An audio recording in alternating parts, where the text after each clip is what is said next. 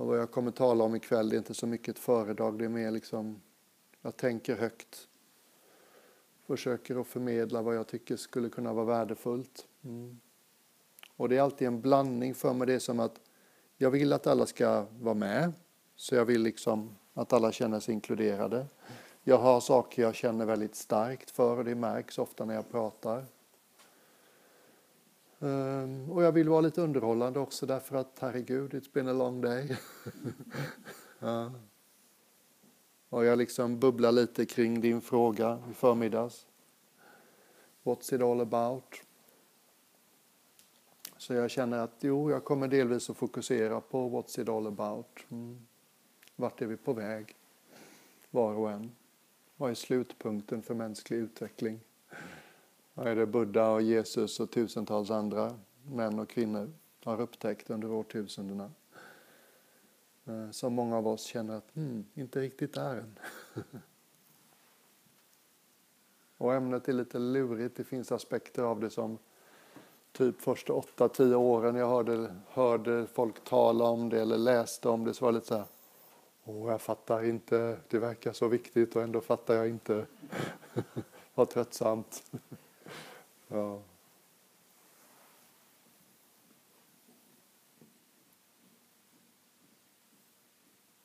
Jag vill börja med ett väldigt jobbigt uppvaknande som jag läste om i en bok och har lyssnat på på många CD-skivor och som jag vet att många av er har stött på också.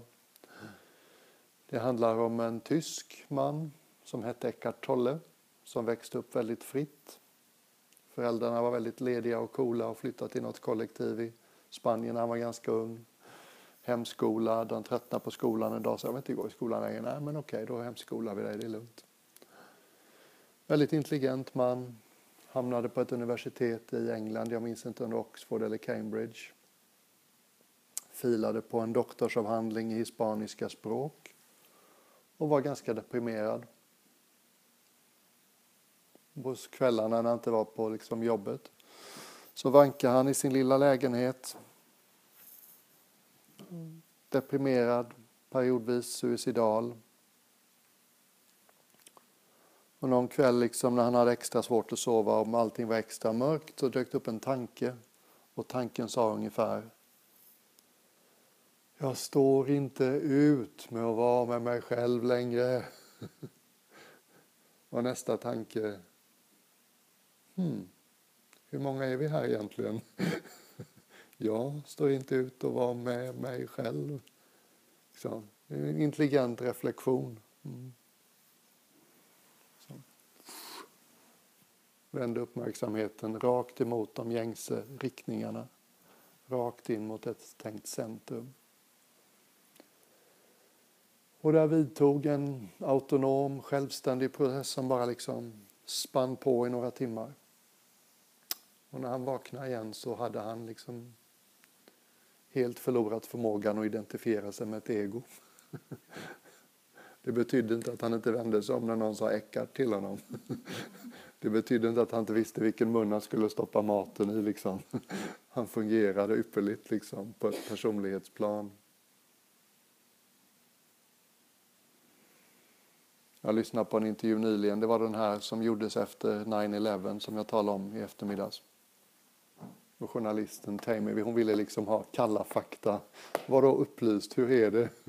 Hur ser dina tankar ut? Och då sa han, ja Tammy, det är svårt att säga, men vet du vad? Jag lägger märke till att ungefär 80 procent av mina tankar försvann när jag vaknade och har aldrig kommit tillbaka, så nu är det många år sedan. Det är en intressant liten vignett eller påminnelse. Att man kan leva ett liv utan skuggor, liksom, utan att skapa onödiga psykologiskt lidande för sig själv och andra. Och att det påfallande ofta känns som ett liv där man tänker mindre än man gjorde innan man vaknade. Mm. Och så här kulan. Han hade aldrig haft något andligt intresse. Liksom. Han var ju barn av hippieföräldrar tror jag, eller liksom väldigt sådär frigjorda, moderna tyskar. Aldrig varit intresserad av religion egentligen. Så han fattade inte riktigt vad som hade hänt honom. Han bara lade märke till att jag tycks inte ha några problem längre. jag tycks inte vara deprimerad längre. Liksom. Allting tycks ha lättat. Han kom till ett av våra kloster, Amaravati. Och en eh, fransk nunna jag känner, en sån här riktig primadonna. Hon var balettdansös innan hon blev nunna. Hon råkade liksom finnas där när han kom dit. Och han bad liksom att få tala med någon om vad som hade hänt honom. Och hon satt där och lyssnade på honom en stund, sen garvade hon och sa Ja du, det som har hänt dig, det är som alla vi här som klär oss konstigt och låter bli att göra en massa roliga saker. Det är vår högsta dröm att det ska hända oss. Ja. Mm. Ja, liksom, ja, ja, vad ska jag göra nu då? Ah, jag gör väl efter, tills jag kommer på något bättre så fortsätter jag väl som jag har gjort innan. Jag lunkar tillbaks till jobbet och liksom gör det jag gör. Och så efter någon månad liksom på jobbet så insåg han att om man inte identifierar sig med ego längre då är det helt meningslöst att försöka bli akademiker. är ni med? Någonstans bygger det liksom alltid på att man filar på någon tes och polerar sin tes och du vet, make your mark. Ja, det var helt meningslöst. Mm. Så att jag vill redan tidigt, om det är någon som, jag tror inte att det är så, men om det är någon som ännu inte har fattat att jag inte är upplyst, så härmed flaggar jag, och jag är inte upplyst. Det har ni säkert förstått allihopa. Så att jag vill liksom säga det, för jag tänker ikväll tala om de här eh, stora stora ämnena lite grann. Och då är det viktigt att ni förstår att jag inte gör det som om jag tyckte att jag visste. Mm. Utan jag har ägnat mig åt det här länge, jag har varit intresserad av det här länge. Jag har haft mina ljusa ögonblick och små genombrott och det tror jag många av oss har haft. Mm. Eh, så du uppvaknade som upplyst? Alltså det är ju bara ord. Mm, jag försöker hitta några enkla små termer som sammanfattar liksom det som jag tror är slutpunkten i mänskligheten. Ja, jag. Mm. Det tror jag. Upplysning, uppvaknad, vad säger de i kristendomen? Frälst, liksom. Som att slöjorna faller. Mm.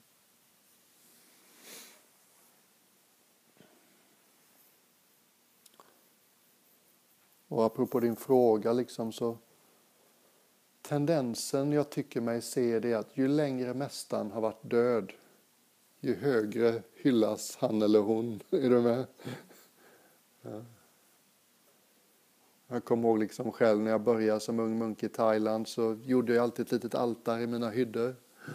Och i början så var det där altaret väldigt högt liksom. Det var i brösthöjd på något sätt. Så när man satt på golvet och mediterade så tittade man upp på något som var väldigt högt uppe. Och så kände jag på något sätt, nej. Och år efter år hade jag en sån här känsla av att, ja, upplyst, alltså, ja, det finns nog människor som har varit upplysta. Buddha var säkert upplyst. Och det finns nog människor idag också som kan bli upplysta, men det är inte för mig. Liksom. Det var bara så lite deppigt ämne. Jag har satsat allt på det här, men jag har ändå något som viskar inombords att nej, jag kommer inte greja det liksom. Och sen märkte jag hur under åren som munk liksom, till slut, sista två åren som munk i Schweiz, hade jag en fin låg byrå i ena ändan av rummet och det gjorde jag till mitt altare. Det var liksom, det mötte mig i ögonhöjd när jag satt på golvet. Um. Så liksom med all ödmjukhet, jag vet ju inte hur Buddhas eller Jesus inre värld såg ut, eller Muhammads eller vem du vill, Krishna. Um. Men jag har liksom läst så mycket och hört så mycket så jag tycker att jag börjat bilda mig en ganska klar uppfattning om i riktningen liksom, de största skatterna ligger. Och min eh, starka övertygelse är att de ligger i den oväntade riktningen. Det finns liksom så mycket vi kan jaga efter. Men vad händer när vi slutar jaga? Nej, ingenting. Och till slut liksom, okej. Okay. Liksom, vad händer om jag vänder riktningen helt emot gängse termer? Det finns en sån här gammal skogsmunkshjälte som hade sitt uppvaknande på tidigt 1900-tal. Han var liksom den strängaste och tuffaste skogsmunken. Och hans hopplösa biografi där han ständigt pratade med änglar och gudomligheter och hade visioner och pratade med buddhan. Och när han till slut hade sitt uppvaknande efter ett väldigt strängt och långt liv som munk så var hans första ord ungefär Herregud vad dum jag har varit. Jag har ju funnits med mig hela tiden. Som jag har jagat liksom. Jag älskar de historierna. Det är så underbart liksom att bli påmind om att nej, inte långt fjärran länder, inte komplicerade gamla skrifter, inte konstiga religiösa konventioner. Ingenting har ensam rätt på det här. Det kan hända i allt det, men det kan hända utan allt det också. Mm.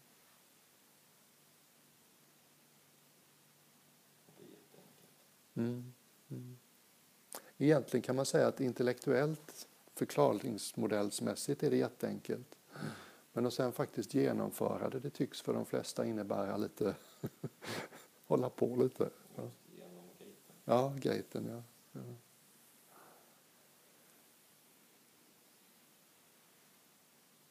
Så liksom om man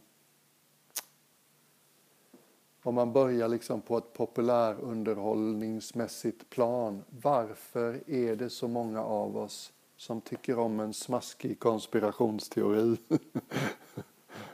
Varför tycker vi om filmer som The Matrix, The Truman Show, Inception? Det finns säkert många skäl, men ett av dem är säkert att vi känner en resonans med den känslan som filmen förmedlar. Vi känner igen oss i känslan av att verkligheten skaver. Det är något som inte är som jag tror att det är. Det är något jag inte har fattat än. Det är något jag missförstår hela tiden i verkligheten. Den här underbara känslan liksom när Truman till slut börjar inse att fan, min värld är inte verklig. Ja. Och den här, vad ska vi säga, thrillerinslaget. Ni vet, en bra thriller är ofta sådär, okej, okay, vi har en läcka i systemet. Okej, okay, läckan måste sitta centralt i systemet för den känner till djupt förborgade hemligheter. Och nej, den här hemligheten som just har läckt, är det bara en eller två som känner till. Mitt i vårt centrum har vi läckan. Liksom. Det är som att vända uppmärksamheten rakt mot ett tänkt centrum. Mm.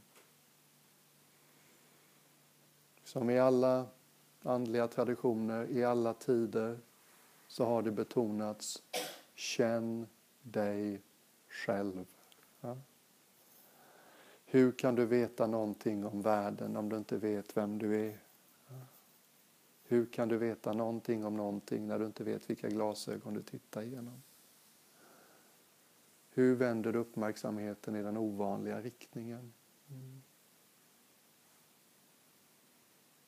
Det är den första och den sista andliga frågan. Vem eller vad är jag? Mm.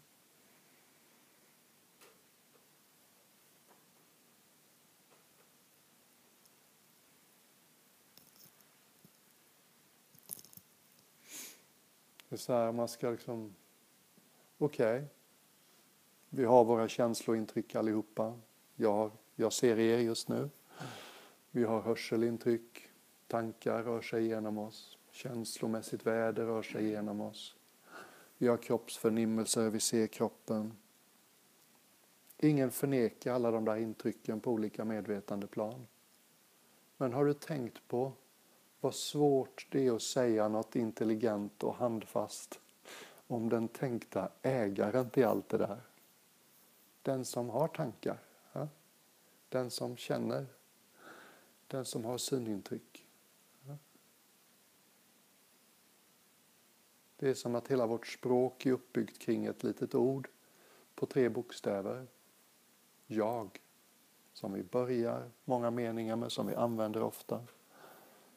Och faktum är att det är väldigt svårt att säga något intelligent och trovärdigt. Ett ord är bara ett ord, ord är bara etiketter.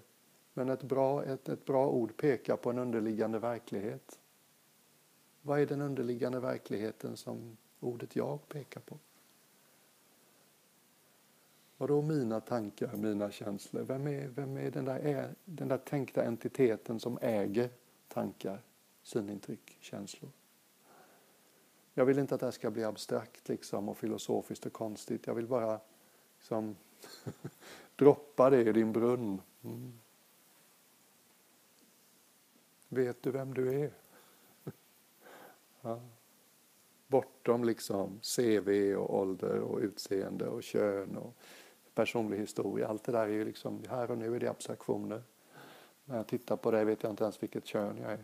Mitt CV känns helt irrelevant, det är bara liksom tankar. Det måste finnas liksom någonting mera varaktigt, någonting mera handfast kan man tycka. Mm.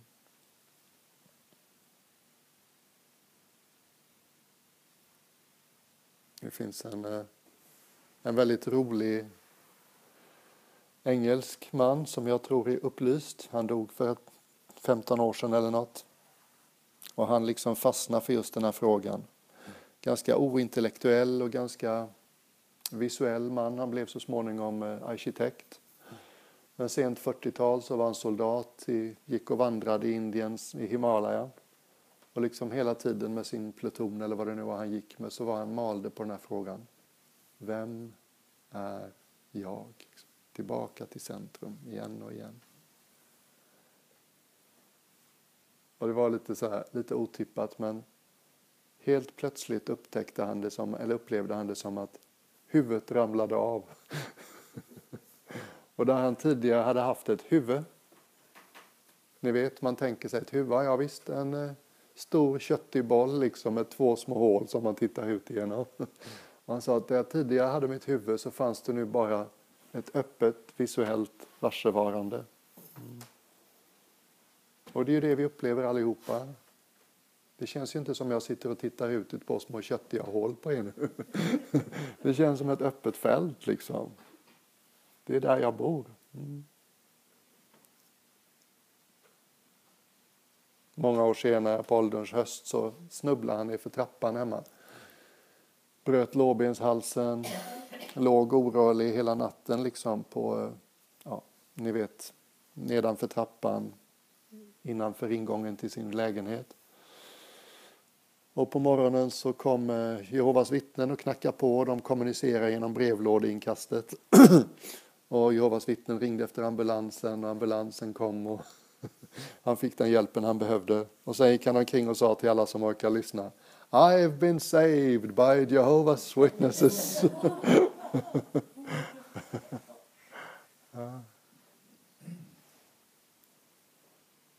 vad hette han, Meister Eckhart, en underbar präst, tysk präst på sent 1200-tal. Riktig rock'n'roll-präst. Mm. Han hade sitt eget uppvaknande, frälst eller vad man säger på kristet språk. Och så många som har haft det så väljer han sina egna ord när han ska beskriva vad han har varit med om och vad som har hänt. Och Vatikanstaten går bananas, så får man inte göra. Man måste tala i exakt de termerna som vi har bestämt och som står i Bibeln. Det blir rättegång och process och hej och hå. Och han blir dömd till döden. Och han, eh, han dör en naturlig död kort innan de ska genomföra avrättningen. Han valde till exempel att predika på plattyska, vilket var totalt radikalt i Tyskland på 1200-talet.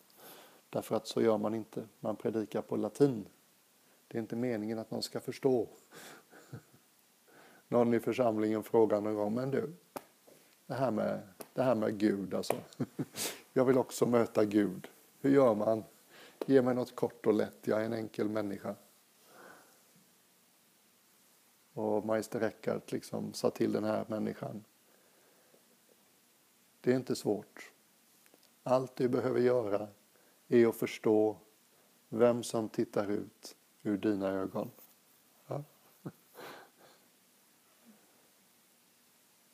Det är typ finaste, snyggaste sammanfattningen jag någonsin har hört. Mm. Om var den andliga resan tar sitt slut någonstans. Mm.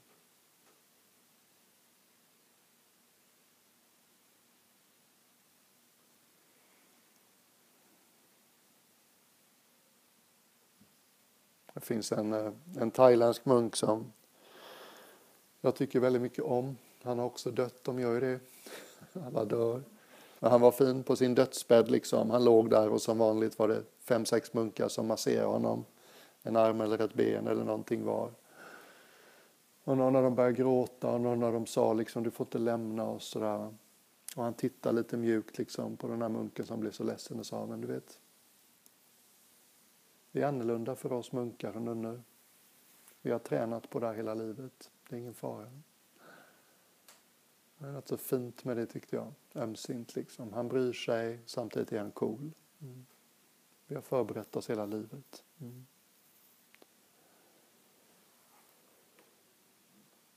Han var väldigt poppis i thailändska kungafamiljen. Så kungen och drottningen kom och liksom ställde frågor och gav lite gåvor till hans kloster ibland. Och vid något sånt tillfälle så ställde thailändska kungen den här 10 000 kronors frågan. Blir du någonsin arg liksom?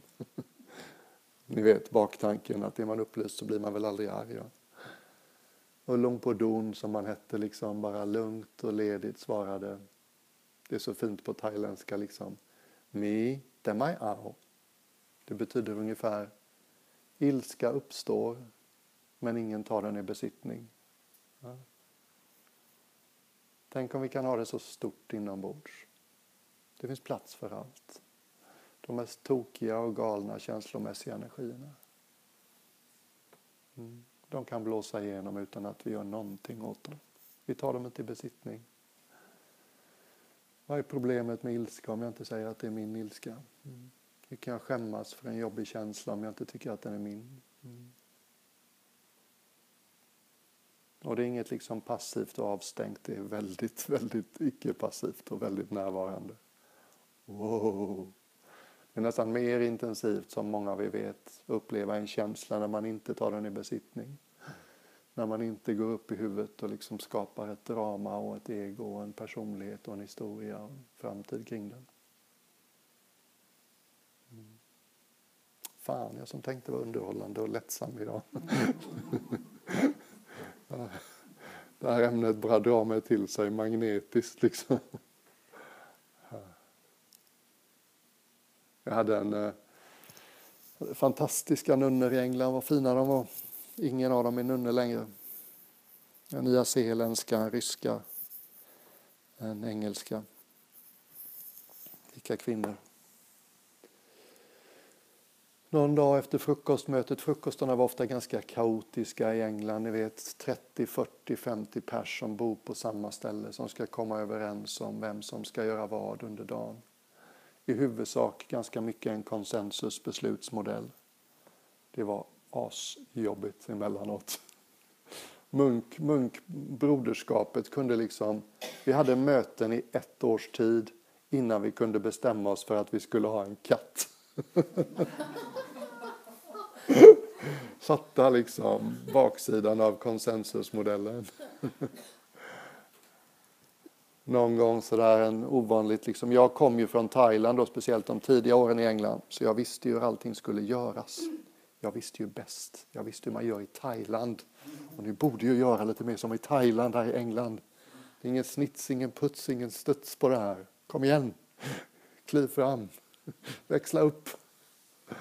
Och någon dag efter en småkaotisk frukost så såg ju min kära abbot och lärare och vän där att jag hade fått den tajtaste ringmuskeln söder om Edinburgh. Han tittade på mig lite vänligt och sa Natiko, chaos may rattle you, but order can kill you. Det är så himla fint. Så himla bra påminnelse.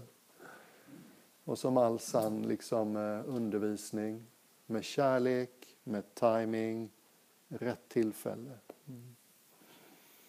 Och personligt, helt och hållet personligt var precis vad jag behövde höra då. Slappna av grabben. Fast hade han sagt slappna av så hade jag inte gjort det. Jag tycker inte om när folk säger att jag ska slappna av. För då känns det som jag är oavslappnad.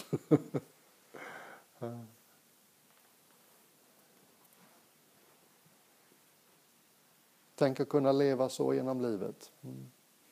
Kaos skakar om dig lite, men ordning kan döda dig. Mm. Krishnamurti, ni vet den här hjälten bland hippies som väckte så mycket intresse på 70-talet. Någon sa liksom, vad är din hemlighet? Hur kan du vara så chill liksom? oh, my secret is easy. My secret is I don't care what happens.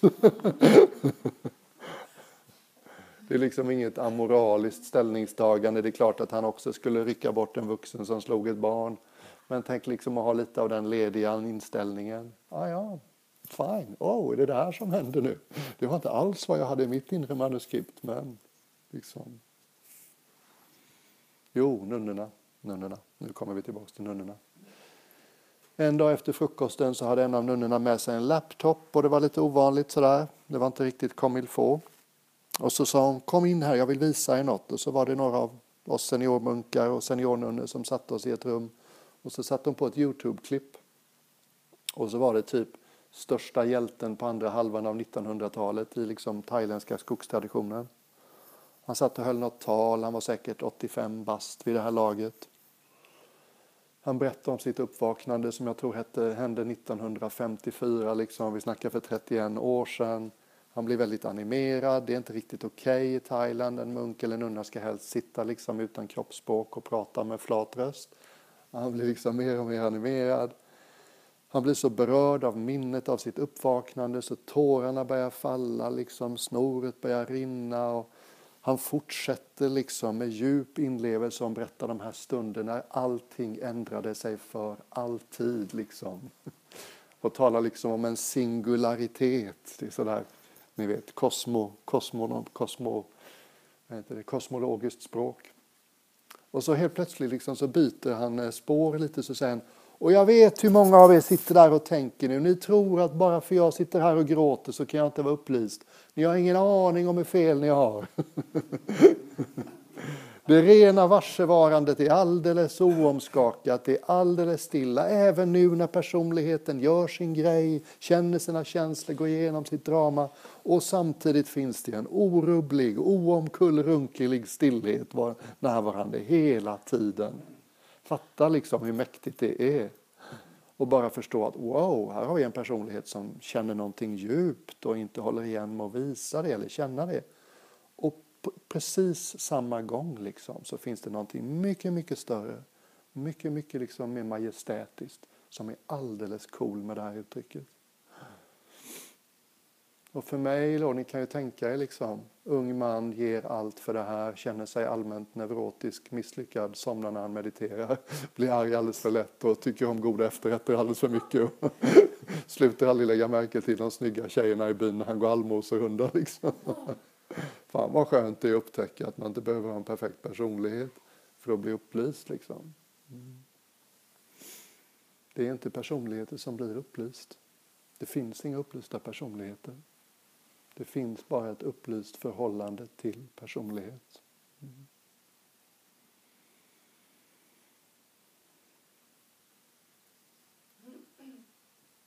En av de eh, passagerna som jag tror har fått mest uppmärksamhet i mitt sommarprogram, det är några år sedan nu, men jag lägger märke till liksom vad folk tar upp när de pratar om det. Och liksom med den här lite överförenklade bakgrunden till min personlighet. Och liksom, så illa är det faktiskt inte, men det är lättare att beskriva det så. Men hur som helst, det var ganska illa periodvis när jag var munk. Och den här liksom Adjan Sumedo som jag berättade om, han som vilar i The Sound of Silence. När han kom till mitt kloster så ville jag alltid hänga med honom. I Thailand brukade han komma en vecka eller två till vårt kloster och jag hittade alltid ursäkter att hänga med honom. Han hade dessutom kaffe på rummet. Det hade man inte som ung munk kan jag säga. Så jag brukade knåda hans fötter och så drack vi kaffe och så berättade han saker för mig. Och nu blir det först en litet sidospår, bara för det är ett fint sidospår. Han blev så småningom ganska trött på att jag beundrade honom så mycket. Jag har ganska lätt för att beundra. Och han sa något som var så himla fint. Det här var kanske typ fjärde året som jag satt liksom en hel vecka i tre timmar om dagen vid hans fötter och frågade och lyssnade och drack kaffe och knådade hans fötter. Och då sa han, Nattiko, jag är lite trött på att du beundrar mig så himla mycket. du måste förstå det att det du beundrar i mig, visdomen du tycker dig uppleva i min närhet, du kan ta in den och förstå den bara för du, hör den i dig, bara för du har den i dig själv. Du har aldrig liksom förstått eller tagit in eller tyckt om vad jag har att komma med om du inte på något plan redan visste det själv. Det är resonans liksom, det ekar. Det är inte totalt nytt och liksom blow my mind. Mm. Och det var så himla fint liksom sätt att visa mig något som jag behövde se. Och som just med min lite då överdrivet självkritiska personlighet var väldigt läkande. Ja, just det. Jag har beundrat människor i hela mitt liv, liksom, men det har nästan alltid slutat med att han eller hon är så himla mm, mm, mm. Jag är inte lika. Är ni med? Så det är lätt hänt att beundran leder till att liksom, okej, okay, ännu ett sätt jag inte riktigt duger på som jag är. Och det här är liksom en twist som funkar så himla bra för mig. Ja, just det. Jag kan beundra den här människans klokskap, för jag har lite av det. Jag känner igen det när jag ser det. Jag kan uppskatta den här människans liksom stora hjärta, därför att jag har lite av det, så jag vet hur det känns. Jag känner igen det när jag ser det. Mm. Och någon annan gång, flera år senare, då bodde jag i England, han var på besök där. Och som vanligt såg jag till att få lite ensamtid med honom. Och han liksom la märke till, då hade jag fått lite mer ansvar och var lite chef i klostret sådär. Och alla som har varit chef vet vad det innebär. Då får man en massa projektioner på sig. Det är väldigt förvirrande. Oj, jag som trodde att jag var ganska okej okay och folk har så mycket klagomål. Liksom. är det så illa? Unga munkarna de gick loss på mig ordentligt bara för att det enda jag gjorde fel, vet ni vad det var? Jag hängde med nunnorna för mycket. Jag är svensk, svenskar är ganska trygga i sin sexualitet. Jag var 30 när jag blev munk, jag hade liksom fått göra mitt i 12, 13, 14 år kring det erotiska. De var ungefär lika gamla som jag munkmässigt, nunnemässigt. De var ungefär lika gamla som jag biologiskt. De var sköna, vi hade mycket kul. Och jag gjorde inget fel, men just den här hemska säkert då en del av de unga munkarna som, fan vad han har roligt liksom, vad han får liksom mycket kontakt och närhet och glädje av nunnorna. Får inte jag det liksom? Och istället för att hålla min ensamhet och smärtan i det så liksom projicera ut det, klandra någon. Så jag hade fullt upp att göra. Jag har aldrig varit bra på att ta kritik och klander. Jag tycker det är jobbigt fortfarande, även om det har blivit mycket bättre. Och vi satt och pratade sådär om ditten och datten och han såg att jag fortfarande var sådär ganska självkritisk och så sa han liksom du eh, jag la ner det där självförbättringsprojektet för många, många år sedan. Allt har blivit så himla mycket bättre sedan dess. liksom, hitta en svensk åt mig som inte behöver bli påmind om det. och det, är liksom, det knyter an till det här jag sa innan. Det finns inga upplysta personligheter. Mm. Ingen behöver bli en annan sorts människa. Ingen behöver censurera eller ta bort sina tillkortakommanden. Och mycket av det storslagna i en upplyst personlighet det är ett resultat av upplysningen. Det är inte en orsak till upplysningen. Det är inte så att man först måste bli ett helgon som aldrig blir arg och aldrig blir kåt och aldrig blir avundsjuk. Och sen kan man bli upplyst. Det går åt andra hållet. I det upplysta tillståndet så gör man inte längre separation mellan sig själv och andra. Det är alldeles naturligt. Klart, ditt välmående är lika viktigt för mig som mitt. Jag har det bra redan, jag behöver inte mycket. Jag vilar i en kontinuerlig känsla av lågmäld glädje. Vill du ha min whatever liksom? Så gärna så. Ett nöje.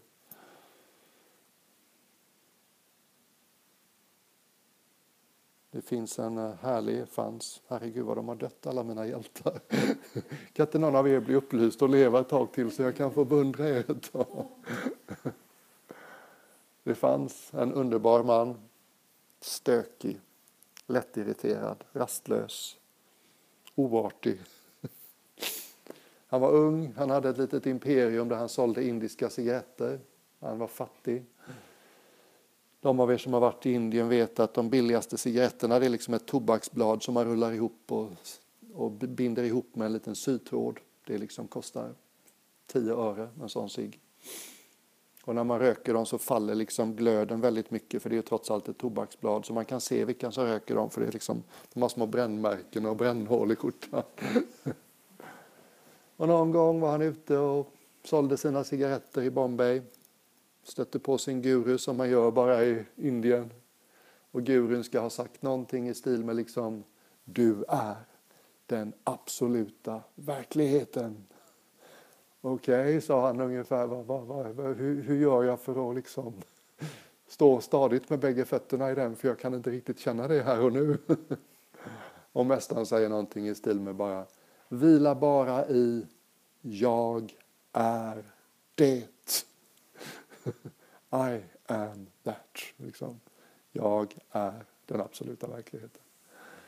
Och med liksom en eh, ung, idealistisk och kanske indisk människas energi så gav han hän sig den lilla liksom, kontemplativa övningen nästan alla lediga stunder. Och efter tre, fyra år så öppnades det här upp helt och hållet. Och det är intressant för han hade, hans första reaktion var precis som buddhan. Det här är för subtilt. Jag kommer aldrig någonsin kunna hjälpa någon annan att upptäcka vad jag upptäckt. Ingen kommer fatta. Det är ingen idé att försöka ens. Och precis som Buddha liksom, ja nej det är inte riktigt sant, men den här mannen då, han, han börjar liksom gå mot Himalaya med någon vag känsla av att liksom hitta en sval plats och bara njuta av det som är kvar av mitt liv. Och på vägen dit, han hade säkert inte hunnit så långt, så var det någon som sa Hörru du, så där gör man inte. Det du har hittat är så ovanligt och så värdefullt. Det här får du dela med dig av. Och han hörde, det här är sant. Mm. Så han vände, snickrade en liten våning till på sitt sunkiga lilla hus. Tog emot folk. Mest västerländska hippies. Det här var liksom sent 60-tal och tidigt 70-tal. Det finns en amerikansk visdomslärare som heter Steven Wolinski eller sånt där. Han var där under en vecka ganska mycket. Sista dagen han kom dit så tittade Nisargadatta, den här människan, indien, han hette Nisargadatta. Hur kan man inte älska en man vars namn betyder slav till verkligheten? Nisarga är liksom nature ja. och datta är slav. Ja. Verklighetens tjänare. Mm. Och Nisargadatta ser den här amerikanen och tycker att hmm, där har jag sett några dagar nu. Hur många dagar har du varit här i sträck? Ja, det är femte dagen idag, säger han, amerikanen. Och då säger Nisarga Datta. Försvinn, jag vill aldrig se dig mer. Har du inte fattat det nu så kommer du aldrig fatta det. Det är liksom inte så vi vill ha våra västerländska helgon. Han var rastlös, liksom lätt irriterad. Varje dag vid sex tillfällen liksom så tände han 48 rökelsestickor, stack dem i sex olika rökelsekar, sjöng liksom sådana indiska salmer ganska automatiskt och icke inlevelsefullt och folk frågade honom varför gör du det här? Det blir så himla rökigt här inne och man ser ingenting och det avbryter samtalet och du verkar inte liksom ha hjärtat i det heller. Och han bara sa nej det har jag inte. ja, men varför gör du det? Och han sa liksom, nej men jag lovade min guru det innan han dog att jag skulle göra det. Det är liksom sådär bara. Jag gillar det liksom fullständigt oresonliga i det. Men det jag ville komma till det var hans mest bevingade ord. Det var ju alltid översatt. Han kunde ju ingen engelska. Han kunde ju bara maharashtra, det här lokala språket i Bombay. Och någon gång så sa han något som jag tycker är så himla fint. Och det har översatts till engelska på olika sätt, men någonting i stil med Visdomen säger mig att jag är ingenting. Kärleken säger mig att jag är allt. Mellan de två flyter mitt liv. Som varje andlig sanning värd sitt salt, liksom. Som har lite umf, lite tyngd som har liksom parfymen från källan så uttrycks den i form av en paradox. Så är det alltid. Hade sanningen gått att uttrycka på vanligt vis så hade vi alla kunnat få ett tolvstegsprogram och liksom ett steg i taget. Sen är vi hemma. End of problem. Det tycks inte förhålla sig på det sättet. Visdomen säger mig att jag är ingenting. När jag går inåt och letar efter det antagna jaget den där antagna entiteten som jag hela tiden har trott är den som äger känslor, tankar, synintryck, historia, minnen, planer. Så hittar jag ingenting som ens vagt liknar ett jag. Jag hittar någonting annat om jag går hela vägen och det är svårt att prata om om man inte har hittat det än. Men jag hittar inget jag. Jag hittar inget som ens liknar en ägare till tankar och känslor. Och i den riktningen, i den upptäckten, så kan det kännas som jag är ingenting. Men när jag upptäcker att det inte finns ett centrum, att det inte finns en entitet som äger mina tankar och känslor och synintryck, då upphör separationen med andra. Om det inte finns någon här inne så är ju inte mina tankar och känslor så mycket viktigare eller riktigare eller sannare än dina. Det finns ju liksom ingen anledning att hela tiden iscensätta den här åtskillnaden mellan mig och dig längre. Det är därför vreden inte är min? Ja, det kan man säga. Exakt. Det finns ju ingen ägare. Nej, så, så den är ingens? Den är ingens. Ja, visst, visst. Ingens. Ja. Det är liksom historiska energier, du vet. Vi är ju präglade på vissa sätt. Så länge vi trodde att vi var någon så var livet väldigt dramatiskt och vi höll på för fulla spjäll. och sen en dag upptäcker vi, oj, oj, oj. Mitt liv är inte riktigt mitt, mina tankar är inte riktigt mina. Det finns ingen riktigt tänkt, den här tänkta ägaren, det finns inget, jag hittar inget när jag söker in hela vägen. Och då upphör, nöd, upphör behovet av att skapa barriärer mellan mig och dig. Liksom. Varför ska jag vilja ha rätt? Och man blir befriad från egot. Ja, ja visst. Ja, visst. Egot finns ju kvar liksom som ett funktionellt ego. Jag vet att när du säger Björn så är det jag som ska lyssna. Jag vet att det är den här kroppen jag ska klä på och borsta tänderna på varje dag. Jag tar ansvar för att den här kroppen liksom har vad den behöver. Det finns saker man måste göra ändå. Hålla sig frisk och ta hand om kroppen och tjäna pengar och vara schysst mot dem man har i livet. Liksom allt det där funkar fint. Men inte allt det där extra spinnet. Då. Tänk att leva ett liv där det är helt ointressant att ha rätt. Eller hur? Liksom. Ja. Det var Adyashanti sa det någon gång. Liksom. Jag kan inte minnas när jag sist fastnade i att vilja ha rätt. Och hur härligt är det inte att prata med en människa som tycks förmedla Nej, men jag kan ha fel. Jag är helt öppen för att jag är ute och cyklar. Liksom. Låt oss provprata. Mm. Låt oss se var vi hamnar. Vi kan lära oss tillsammans istället.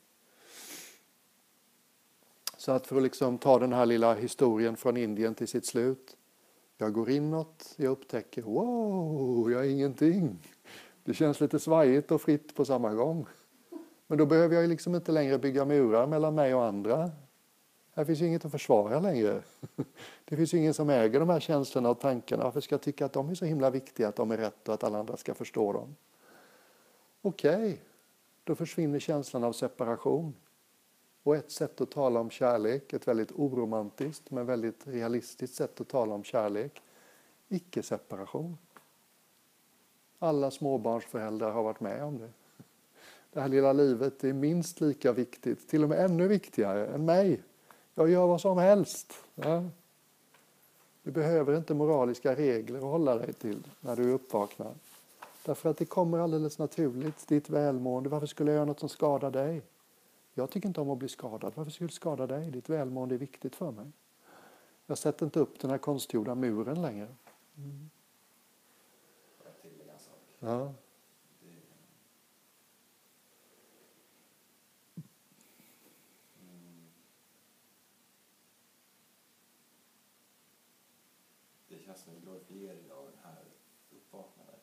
Okej. Okay. Varför då?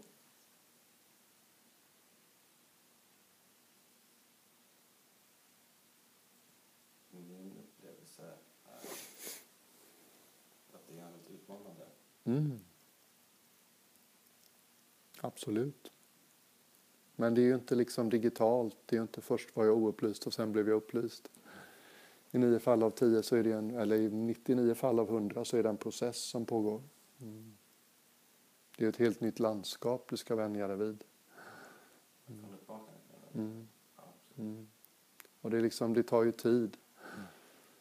Och om du inte är en av de lyckliga, liksom, en promille, så är det ju inte så att du befinner dig liksom i det uppvaknande tillståndet hela tiden.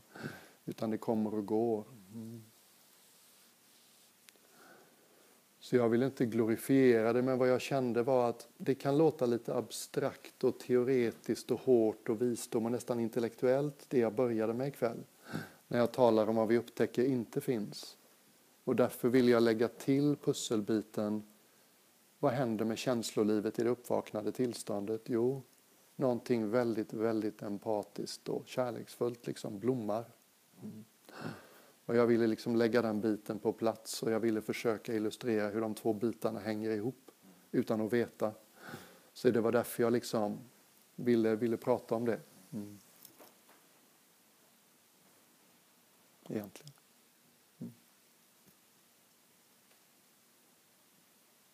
Det är också viktigt för mig att jag gissar att en och annan här är lite intresserad av ämnet. Jag vill inte att någon åker härifrån och tänker shit alltså, det där lät rätt kyligt, kyligt och oattraktivt. Va? Jag vill ju att folk ska åka härifrån och tycka att mm, okej, okay, jag fattar en del av vad han sa där men jag fattar inte allt. Men ja, I'd like some of that liksom. Jag skulle vilja att det var den känslan snarare än att nej, det där verkar inte vara något för mig. Mm. Och vad som tenderar, jag vet inte om du håller med om det, men jag sa ju tidigare liksom idag under frågestunden i eftermiddags apropå det här med när närvaron stärks så är det som att vi får liksom mer till oss att bära. Mm. Och i ett uppvaknande så är det väldigt påtagligt hur ofta det helt plötsligt blir en massa karmiskt bagage liksom som blir väldigt tydligt. Så man blir liksom mycket mer kapabel att säga wow. Det blir lite prestigelöst också. Vad jag håller på. Vad jag reagerar starkt. Vad kontrollerande jag kan vara vad jag censurerar olika delar av mitt känsloliv. Eh, vad jag håller på att oroa mig över, liksom, hur lång tid ska det ta innan min uppvaknande är komplett? Är jag lika uppvaknad som den personen? Det finns liksom en massa, man kan känna sig mer neurotisk än innan på många sätt. Det är absolut. Det säger jag inte emot på något sätt. Eh. Det finns en jag saknar lite liksom uppvaknande historier om kvinnor och jag vet att det finns lika många som det finns män men det är männen som har blivit kända mera. Mm. Vad sa du? Ja, det är ju jämt så, precis. Det är alltid så. Männen skriver historien liksom. Men det finns en härlig kvinna, ni känner säkert till henne, många av er, Byron Kate, det vet säkert många om henne. Ja, helt underbar. Och jag, liksom, jag älskar de här historierna om uppvaknande så jag vill alltid liksom läsa de sidorna i boken. Liksom. Hur hände det för dig? Även om de som har blivit, de som är uppvaknade, de tycks väldigt sällan ha något behov av att berätta det. De vill nästan liksom, skit i det liksom, det är inte viktigt. Men hon var ju en ganska kolerisk fastighetsmäklare. Jättedriven. Och väldigt sådär eh, kolerisk. Hon blev arg jättelätt, hade ett väldigt hett temperament. Och hennes familj stod inte ut. Jag tror de skilde sig, hon och mannen till slut. Barnen ville inte hänga med henne för hon var så jobbig. Hon hade något sammanbrott till slut. Ni vet amerikanska läkemedelssystemet. Hon fick någon plats i en sån här husvagnspark för kvinnor med ätstörningar ungefär. Liksom världens, liksom helt, ingen bra terapi alls. Och hon är där och är djupt olycklig. och ett väldigt starkt självhat. Ibland på kvällarna när de ska gå och lägga sig så tänker hon nej, jag förtjänar inte att sova i en säng idag. Och så lägger hon sig och sover på golvet. Fattar liksom nivån på självhatet. Och det var en sån natt och hon vaknade nästa morgon. Lite likt Eckart Tolle liksom. En helt självständig process. Som hade föregåtts av stort mörker. Och så öppnar hon ögonen på golvet. Ni kan tänka er liksom ett sunkigt heltäckningsmatta i en jävla husvagn som massa andra människor har bott i. Äckligt på alla sätt och vis. Hon öppnar ögonen och det första hon ser är en kackerlacka. och den här kackerlackan är det vackraste hon någonsin har sett. Och hennes nästa insikt var ungefär, det var inte längre jag som tittade ut genom mina ögon. Det var Pure awareness. Rent varsevarande. Mm. Och det är bara ord förstås och vi gör vad vi vill av dem. Men jag tycker det är någonting fint med just den betraktelsen. Det var inte längre jag, inte längre den här sargade, koleriska personen med så mycket bekymmer. Mm.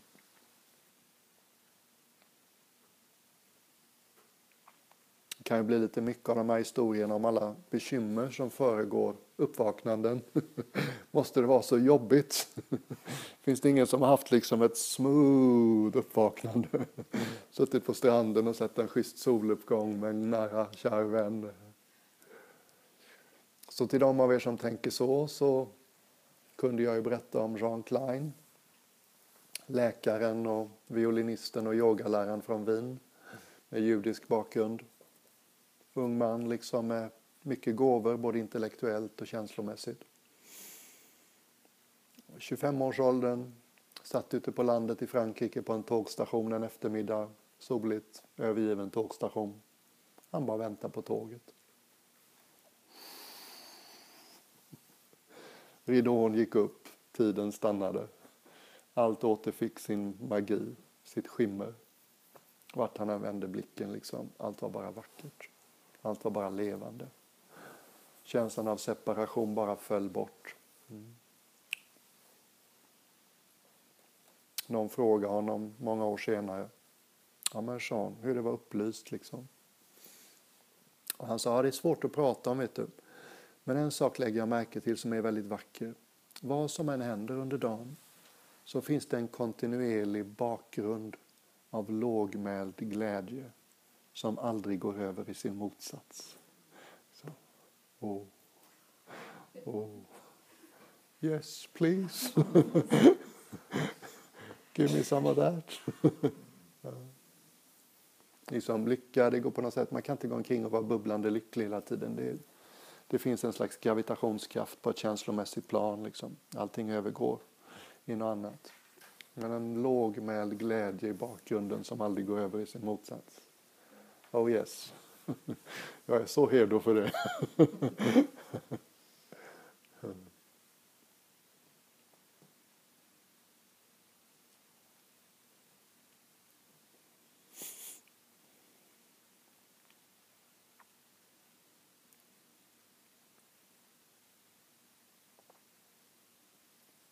Jag vet ju inte vad som hände Jesus på korset. Men jag har ju som alla rätt att fantisera. Det finns ju liksom lite ord sådär som nämns från Bibeln. Jag har väldigt lätt att leva mig in i den här totala förtvivlan. Du har liksom gett, gett ditt liv. Du har satsat allt på ett kort liksom. Du upptäckte något du ville dela med dig. Det slutade med att du förråddes av någon som stod dig nära. Du övergavs av nästan alla som sa att de tänkte följa dig till sista andetaget. Du behandlas som en vanlig kriminell och spikas upp på ett tortyrinstrument tillsammans med små småtjuvar. Som är svårt att hitta en mera förtvivlad bild. Mm. Och det är lätt att liksom tänka sig när han säger något i stil med Min Gud, min Gud, varför har du övergivit mig? Som i det ögonblicket och till och med känna sig övergiven av Gud. Som var liksom, det var ju, det var ju hans luft, liksom, livsluft. Och sen tänker jag mig att någonting släppte taget. Tyvärr ännu ett exempel på upplysning i en stund av djup förtvivlan. Men för många av oss tycks det som att det måste bli rätt jobbigt innan vi är redo att släppa taget. Liksom. Jag tänker mig att han släppte taget om det lilla jaget, egot liksom och dess förtvivlan. Det gjorde bara för ont, det blev för jobbigt liksom. Han hade inget att förlora längre. Och i samma ögonblick som han släppte taget om det lilla så öppnade sig det stora för honom. Och enligt liksom skrifterna och sådär så vad han lär ha sagt efter det så är det någonting i stil med Ske din vilja, inte min. Så. Överlämna sig till någonting större än sitt skrikande ego. Rätt mäktig liksom, rätt mäktig liten skifte.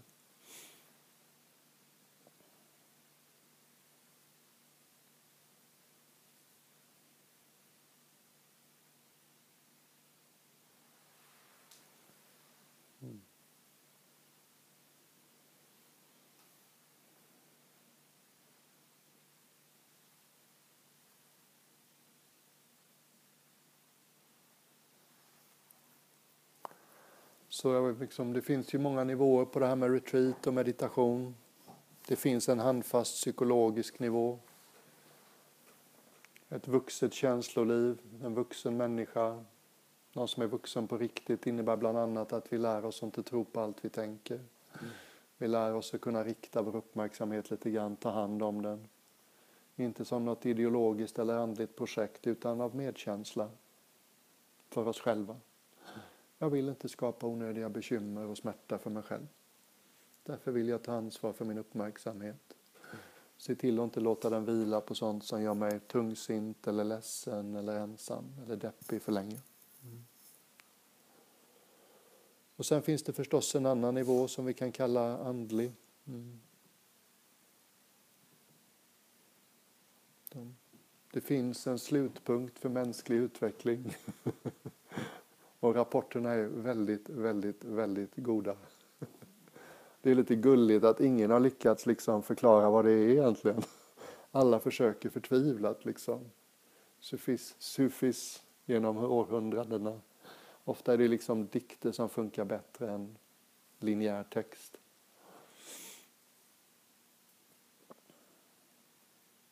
Någon zen-munk liksom som slet sitt hår i förtvivlan. Han skulle försöka förmedla det här till någon annan. Han sa Det är som att tala med grodan i botten av brunnen om det stora öppna havet. någon sa liksom, men det är som du tänker dig liksom tändsticksfigurer. Det fanns någon bok på 60-talet som handlade om tändsticksfigurer. Ni vet, geometriska figurer. Tvådimensionella liksom ytor. Och helt plötsligt så liksom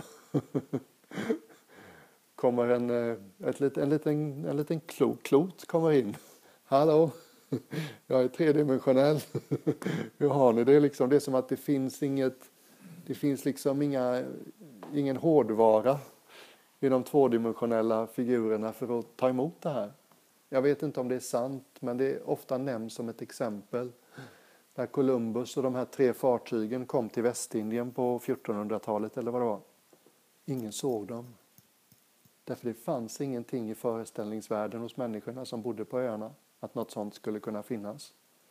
De var liksom där tydligt på horisonten, det var inget fel på deras ögon men de såg dem inte. Förrän liksom shamanen sa något i stil med att ja, människor har kommit långt bort ifrån och de vill oss illa liksom. De kommer i jättelika flytande farkoster. Såg de Ja. Jag tror att det är tydligen, ska vi säga, det är en aspekt av uppvaknandet att man börjar upptäcka och gisses, jag som trodde att jag stod något sånär i verkligheten innan. Oj, vad subjektivt det var. Du vet, lite som någon som är lite packad och som... Eh, Nej, men jag är inte berusad. Det är lugnt, jag kan köra. Man vet inte om att man är lite berusad. Eller man vet inte om att man är mycket berusad. Mm. Och efteråt så tänkte man, oj, oj, oj, ja, just det, wow. Jag hade ganska tjocka glasögon på mig. Mm.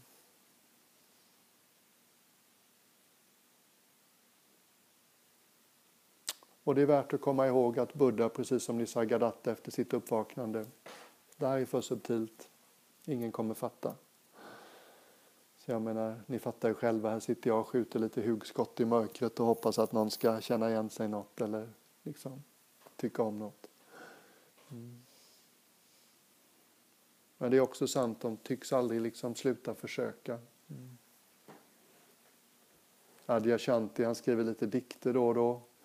Och en av hans dikter slutar liksom de två sista raderna, det, var, det, var liksom, det handlade om hans uppvaknande då.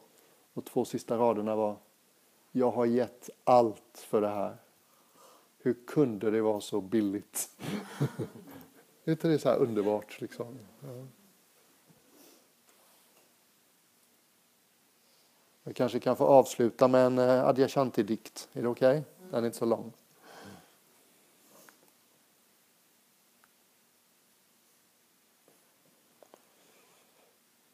Den eh, beskriver uppvaknandeprocessen som att gå till kasinot och spela vid roulettbordet. Inte helt uppenbart, men så är det. Var har jag den någonstans nu då? Här. Den heter eh, Enlightenment is a gamble. Time to cash in your chips. Put your ideas and beliefs on the table. Table, liksom roulettebordet. See who has the bigger hand, you or the mystery that pervades you. Time to scrape the mind's shit off your shoes. Undo the laces that hold your prison together and dangle your toes into emptiness. Once you've put everything on the table, once all of your currency is gone and your pockets are full of air, all you've got left to gamble with is yourself. Go ahead, climb up onto the velvet top of the highest stakes table. Place yourself as the bet. Look God in the eyes, and finally, for once in your life, lose.